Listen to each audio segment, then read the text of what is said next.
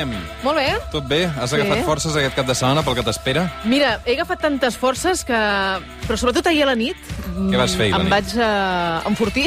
em vaig a veure... explicar? Ah, sí, es pot explicar. Així bailen les putes, mm. a La Júlia l'espai Joan no? Brossa, la Júlia Bertran i l'Anxi, i vaig sortir empoderada, que és un verb que ara ja podem fer servir, perquè ja, ja ha estat Vas més. ballar o no?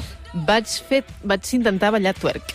Jo ho vaig intentar el dia que vam venir aquí a l'estudi a presentar, eh, perquè han prorrogat. Han prorrogat, sí, estaran, Atencionat, també. uh, estaran més dies fent funcions a, allà a la seca i, de veritat, aneu-hi. Jo ho vaig intentar, però no... És a dir, és un tema del moviment aquest no m'acaba de... No, a mi tampoc, però, però ja està, es tracta d'intentar-ho. Per tant, ho recomanes moltíssim, Sí, eh? vaig trencar un cogombre, també. Sí? També t'ho Em va proposen? tocar, sí. Bé, sí, i, i si aneu entendreu què vol dir uh, trencar un cogombre. Doncs uh, ho recomanem, queda recomanat, uh, per tant a Laura que també li va agradar. Laura, uh, demà, Sí. en principi, tindreu un sidral important. Uh, tu hi seràs també per explicar-ho, perquè farem aquesta programació especial a Catalunya Ràdio tan bon punt es conegui la sentència. Tu hi seràs al vespre, evidentment, no? Ah, exacte, el Kilian Sabrià i jo estarem al vespre i durant la resta del dia doncs, eh, tots els eh, realitzadors i tots l'equip de Catalunya Ràdio per seguir el que pugui donar de si aquesta sentència i les reaccions, sobretot. Doncs avui amb T de Tribunal arribem a la lletra T d'aquest abecedari lila que cada diumenge ens proposa a les 11 al suplement la Laura Rossell, però avui el Suprem el deixarem de banda i arrencarem sí. amb altres Ts. Sí, Eh? amb la T de tatxar.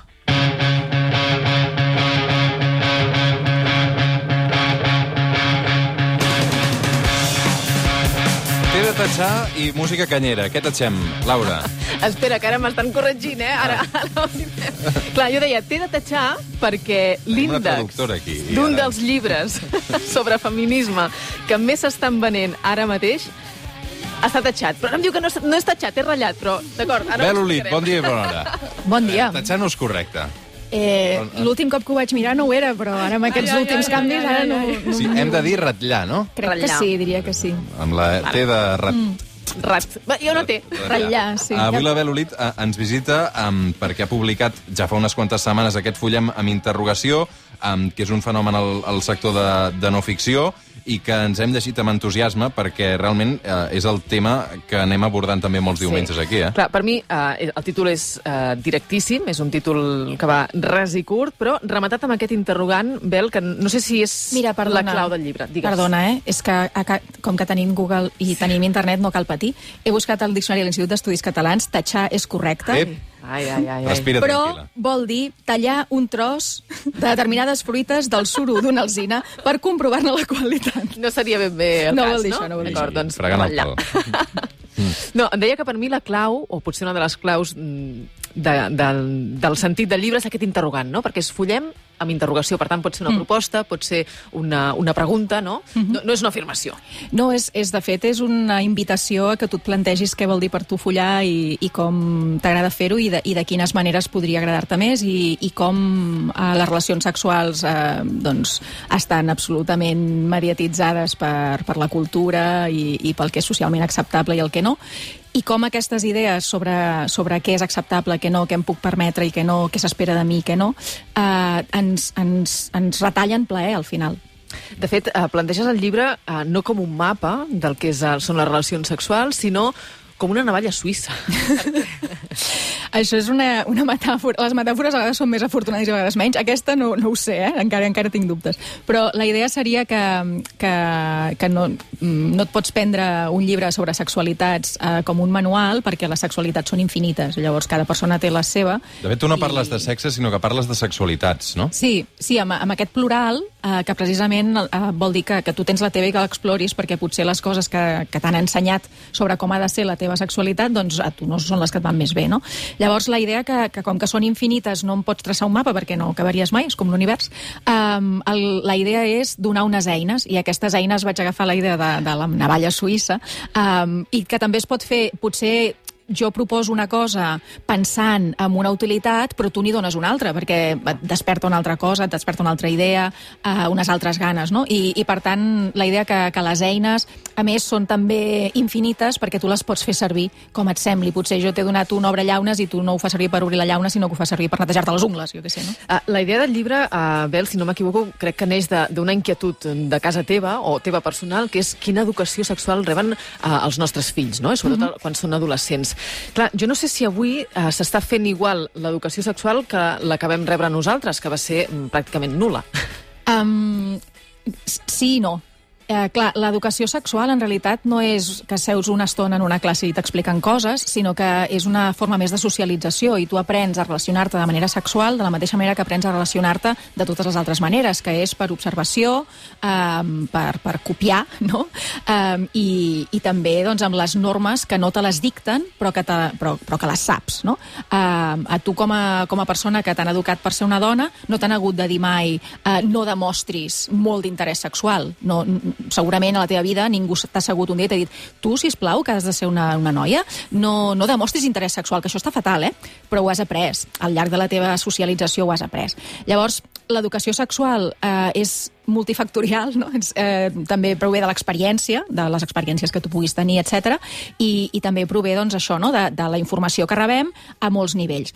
Llavors, jo em plantejava eh, quina educació sexual estaven rebent els meus fills, que, que ara són una mica més grans, però que quan vaig començar a escriure el llibre doncs estaven en edat de, que, que a mi em preocupava, no? que tinguessin les eines i la informació que necessitaven, i, i pensava en quina educació sexual vaig rebre jo, de manera formal i de manera informal, i com d'insuficient va ser, i com de trist va ser, perquè es basava més en no facis això que et posaràs malalta, no facis això que et quedaràs embarassada, i, i ostres, eh, les relacions sexuals en principi les tenim per passar-nos-ho bé. I en canvi aquesta part de pot ser un, un, un moment de compartir plaer, alegria um, i, i satisfacció, no? Uh, doncs no, no se'n va fer arribar, es donava com per, per fet. No? I aquest donar-ho per fet crec que, que al final ho, ho treu de l'equació d'alguna manera, perquè es parla de tota la resta excepte d'això. No? La Bel Olita escriu perquè potser el primer que hauríem d'aprendre sobre el sexe és de desaprendre, desaprendre el desig que ens han ensenyat que hem de sentir, desaprendre la vergonya, oblidar els cossos que ens han d'agradar obligatòriament, oblidar les pràctiques que ens conceben com a úniques possibles, esborrar del cap les imatges de la pornografia comercial, oblidar el paper que ens toca jugar. Insisteixes molt amb això de desaprendre el que ens han ensenyat, que és poca cosa. No sé si, per exemple, amb aquest programa que ara la Generalitat ha explicat que començarà a aplicar a les escoles, d'aquí tres anys hi haurà una persona a tots els centres formada eh, i amb aquesta assignatura més d'educació de, de, sexual, eh, la cosa pot canviar, eh, sobretot sobre el que ens havien ensenyat o après a les escoles sobre el paper fa molt bona pinta i algunes de les experiències doncs, que ja s'estan fent a diversos llocs de Catalunya doncs, sembla que poden estar bé i, i per mi el problema serà com ho traslladem a la realitat i quina formació rebran aquestes persones perquè ja, ja hi ha moltes lleis de la Generalitat que diuen donarem formació feminista a tots els funcionaris públics i això no, no ha passat no? i de fet una part d'aquesta formació per exemple es fa amb, un, amb una mena de curset per internet que, que vas passant unes pantalles um, sí. o estàs dues hores en una sala que algú t'explica una cosa però ni tan sols es comprova que hagi estat escoltant, que t'hagi fet algun aprofitament o, o ja està, no? Llavors, clar, um, que hi haurà formació per una persona de referència a cada escola em sembla molt bé i, i de fet, um, en moltíssimes escoles, entre tot el professorat, hi deu haver algú que, que tingui interès en formar-se. Quina formació serà aquesta? Des de quina concepció ideològica uh, es formarà aquestes persones? Doncs és molt important, no? Perquè um, tu, tu pots explicar, tu pots acostar a les sexualitats des de moltes concepcions i, per exemple, si ho fas des d'una concepció masclista i heterosexista, doncs millor, que no, millor que no expliquin res als nens que no pas que els expliquin segons què, no? Però entenc que la intenció no és aquesta, entenc que la intenció és donar una, una educació sexoafectiva, no només sexual, sinó també pel que fa als efectes i a com ens relacionem, eh, completa i respectuosa, no? Tu I creus per que han això... de ser els profis professors qui ofereixin aquesta assignatura o aquesta matèria o ha de ser algú extern al centre? Que ho faci algú extern al centre té l'avantatge que, que, que l'alumnat se'l mira d'una altra manera, no? es mira aquesta persona d'una altra manera. Després hi ha, hi ha gent que està fent um, molta feina en, en educació um, sexoafectiva des de fa molts anys, que estaria molt bé que, que tinguéssim en compte aquests col·lectius que ja ho fan i ho fan molt bé des de fa temps, um, però crec que també està bé que, que hi hagi algú allà que, que s'interessi per la qüestió i que sigui com la persona de referència. Però el problema és el de sempre. Uh, tenim... L'escola és l'únic lloc pel qual passa tothom i llavors les coses més importants volem que, que se sentin a l'escola perquè hi passa tothom i no estem segurs doncs, que les cases se sentin, no? i per exemple l'educació antiracista per mi és molt important que es faci a l'escola perquè mm, jo mateixa vaig, vaig créixer en una casa molt racista i si a l'escola no m'haguessin donat una perspectiva més oberta doncs, doncs hauria trigat més no? a, a, a, a decidir que jo no volia ser aquesta mena de persona. No? Llavors, és important, però no hem d'oblidar el que deia abans, no? que, que l'educació sexoafectiva és una educació que passa tota l'estona i que passa també per, per com eh, es relacionen amb nosaltres les, les persones que ens envolten, com es relacionen entre elles, i, i per tant no, és, és necessari però no és suficient. Dediques també un, un capítol a parlar de les violacions, és un que tractes el, els conceptes consentiment versus entusiasme, i clar, llegint-lo i després eh, creuant amb algunes notícies, com per exemple aquesta setmana aquella noia que, que va anar a denunciar mm -hmm. una violació a una comissaria dels Mossos i dues agents dels Mossos mm -hmm. se'n van riure, ostres, dius, és que queda molta feina a fer en aquest sentit, no mm. només uh, cap als nois, sinó a les noies i a les institucions, que són les responsables de gestionar aquestes situacions després. El tema institucional és especialment greu perquè, perquè estan allà per protegir-te, no? Llavors que en un moment molt, molt vulnerable uh, et tractin d'aquesta manera, doncs em sembla horrorós. També em, em sembla molt curiós que pel fet que són dues dones policies se'ls exigeix més, no? Uh, jo vull exigir el mateix a tothom, és a dir, jo si vaig a la policia, més igual que siguin homes o dones, vull que em tractin bé uh, eh, sempre siguin qui siguin, i no exigiré més a eh, dues dones policies perquè siguin dones, ni els hi suposaré res, perquè que siguis dona no vol dir que siguis feminista, no vol dir que sàpigues sobre agressions sexuals, etc. Llavors, en aquesta, en aquesta llei de, de 2015 eh, per la igualtat efectiva, etc que, que s'està incomplint, eh, des de, des de que la va aprovar un, eh, per unanimitat al Parlament s'està incomplint, una de les coses que diu és que, que els funcionaris de, la, de públics han de tenir formació um, en perspectiva de gènere. Està clar que això no està passant, perquè si no aquestes policies um, doncs s'haurien comportat d'una altra manera, segurament. No? Per què, ens, uh, per què creus que ens atrau la violència? Ui, no en tinc ni idea. no en tinc ni idea. No sé si t'has preguntat mai per què el vídeo de la manada és un dels més buscats poc després de, de, de que es produís el que es va produir a la xarxa. I el més greu és que és un dels més buscats en cercadors pornogràfics, no, no, no en un altre context. Eh? És a dir, són, és gent que va buscar això eh, com a pornografia i, i em, sembla, em sembla molt greu. Um, no en tinc ni idea, um, no, no, no em dedico a investigar sobre això. Uh, jo em dedico més aviat a veure com està passant una cosa com hi responem socialment i com hi podem i quines eines tenim també per protegir-nos eh, individualment. No? I, I, per tant, en, en el llibre, eh, tota l'estona del que parlo és de comunicació, d'escoltar de, les altres persones però escoltar-nos també a nosaltres mateixos, d'escoltar què volem i pensar si les coses que fem les estem fent perquè realment ens venen de gust o perquè estem coaccionats um, de, de mil maneres, no? Bel, més enllà del llibre, per què feminisme o barbària? Deixa'm explicar, és, és el, el hashtag, l'etiqueta, mm. amb la que defineixes una mica el teu avatar, no? el teu perfil a, mm. a Twitter. Es, sí, i a més estic una mica en crisi amb això, perquè potser penso que és feminisme i barbària. Tenint en compte com són les normes socials, potser el que ens cal és més barbària, és a dir, més saltar-nos-les, no? Però eh, és la idea que bé, el, el feminisme és un moviment que busca la igualtat de drets efectius i oportunitats de debò entre totes les persones, i totes les persones són totes les persones, eh, per tant, tots els encreuaments que, que puguis pensar ara mateix que se t'acudeixin, no? de racisme, classisme, etc doncs també hi són inclosos, eh, i per tant, per mi no hi ha alternativa, és a dir, si no anem cap a una societat feminista, anem cap a una societat pitjor, per tant, no, no, no, no hi ha alternativa. No? Si volem una societat millor, ha de ser una societat feminista perquè és l'única manera en què el màxim nombre de persones estarem més bé. No? Fullem amb interrogant de la Bel Olit, el recomanem moltíssim també el suplement. Gràcies, Bel. Moltes gràcies a vosaltres. No m'ara per això. Money, money, money, money all the time. Money, eat that cake and money, drink the wine. Parlem d'economia ara o què? És que surt molt car ser dona. Ah, sí? Sí. Saps què és la taxa rosa? Ho he anat aprenent també aquests últims anys perquè s'ha anat fent pedagogia de tot plegat. Mira, és el, el recàrrec, perquè se li pot dir així, que algunes marques apliquen els seus productes que estan destinats al públic femení. Se n'han fet diversos estudis des de les associacions de consumidors. Facua, per exemple, és una de les que més ho ha denunciat, demanant multes fins i tot per algunes empreses perquè podrien estar fent publicitat enganyosa. L'increment de preus pels productes eh, destinats a les dones mm. va des del 20 fins al 50%, però és que en alguns casos es dispara i supera el 150%. L'exemple més clar i el que s'acostuma a fer servir sempre és el de les fulles d'afaitar, la gilet de tota la vida, no? El fet de comprar una gilet que el que fa és mm, rasurar, o sigui, tallar, tallar el pèl de la part del cos que tu vulguis, doncs és exactament la mateixa funció per la dona, pel cos de la dona, que pel cos de l'home. Però... El preu també deu ser el mateix. No!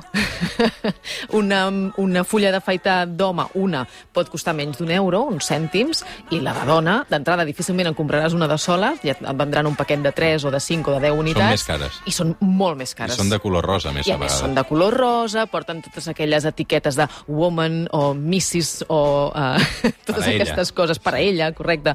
Per tant, uh, encara hi afegim un, una qüestió, un, una capa més, no? que és perpetuar els estereotips de gènere, perquè el, el rosa de la dona i el blau eh, o el gris eh, de l'home. Passa el mateix amb les cremes depilatòries, amb els desodorants, amb, en general amb els productes d'higiene personal, també amb la roba, però potser el cas més escandalós és que això passi també amb les compreses i amb els, tapo, amb els tampons amb un IVA del, del 10%. Per tant, us toca pagar aquest IVA del 10%. Crec que hi va haver la voluntat d'intentar rebaixar aquest tipus d'IVA. Van pactar-ho quan uh, PSOE i Podem van uh, negociar els pressupostos del 2019, que van acabar en no res, uh, van pactar un, un tipus superreduït, el 4% per a les compreses i els tampons, perquè és que si no uh, acaben sent un producte de luxe, com, com el caviar. I, vaja, jo crec que les dones no, no ens suposa un luxe tenir la regla cada mes. Tot el contrari. Doncs eh, avui també amb la T de taxa, eh, però abans també, eh, escolta això. You know when you've done everything and you've even Do you want to have sex? no, and you feel great. Què és això que sona, Laura? Fleabag. No l'has vista? No encara, però me l'han l'han recomanat moltíssim. ja està, deixa el suplement ara mateix, ja, No, ja no. que la... A les dues, a les dues me'n vaig. Uh, Vés a veure Fleabag, si us plau. va ser una, una, la van premiar moltíssim els últims Emmy, Sí, no? crec? els Emmy 2019 va guanyar quatre premis. Millor sèrie de comèdia, millor actriu protagonista de comèdia, millor direcció, millor guió de comèdia. És una sitcom britànica de la BBC, la podeu trobar a Amazon Prime. Està la seva creadora, i a més la, qui la protagonitza, és una dona insuperable, que ja per sempre la tindré en el meu podi de dones eh, referents, que és la Phoebe Waller-Bright. Mm -hmm. És una de les guionistes també de- d'una altra sèrie que està molt bé, que és Killing Eve. La història de Fleabag és la història d'una noia d'uns 30 anys que té una crisi existencial de cavall, acaba de tenir un trauma important a la seva vida, la família és vaja, és estrambòtica, a més va passar per dificultats econòmiques, es relaciona amb el sexe i amb els homes d'una manera delirant, per no fer spoilers, i és curiós que hagi guanyat en la categoria de comèdia, perquè sí que és divertida, és molt irònica, però en el fons està explicant situacions molt crues i, i, i problemes personals que són, que són bastant durs. Això sí, la interpretació d'ella és brillant. A més, fa servir un recurs que jo trobo deliciós, que és mirades a càmera i converses amb, o diàlegs amb, amb l'espectador. I això, això t'atrapa, et deixa totalment atrapada. Una mica com el, el, The House of Cards. no? Però molt millor. Però molt millor. Molt I a més va acabar esquitxat com que el van fer fora de la sèrie també perquè estava acusat d'assetjador Acusat sexual. d'assetjament, sí, Escolta'm, sí, sí. Um, a tot això, uh, posem una mica de música.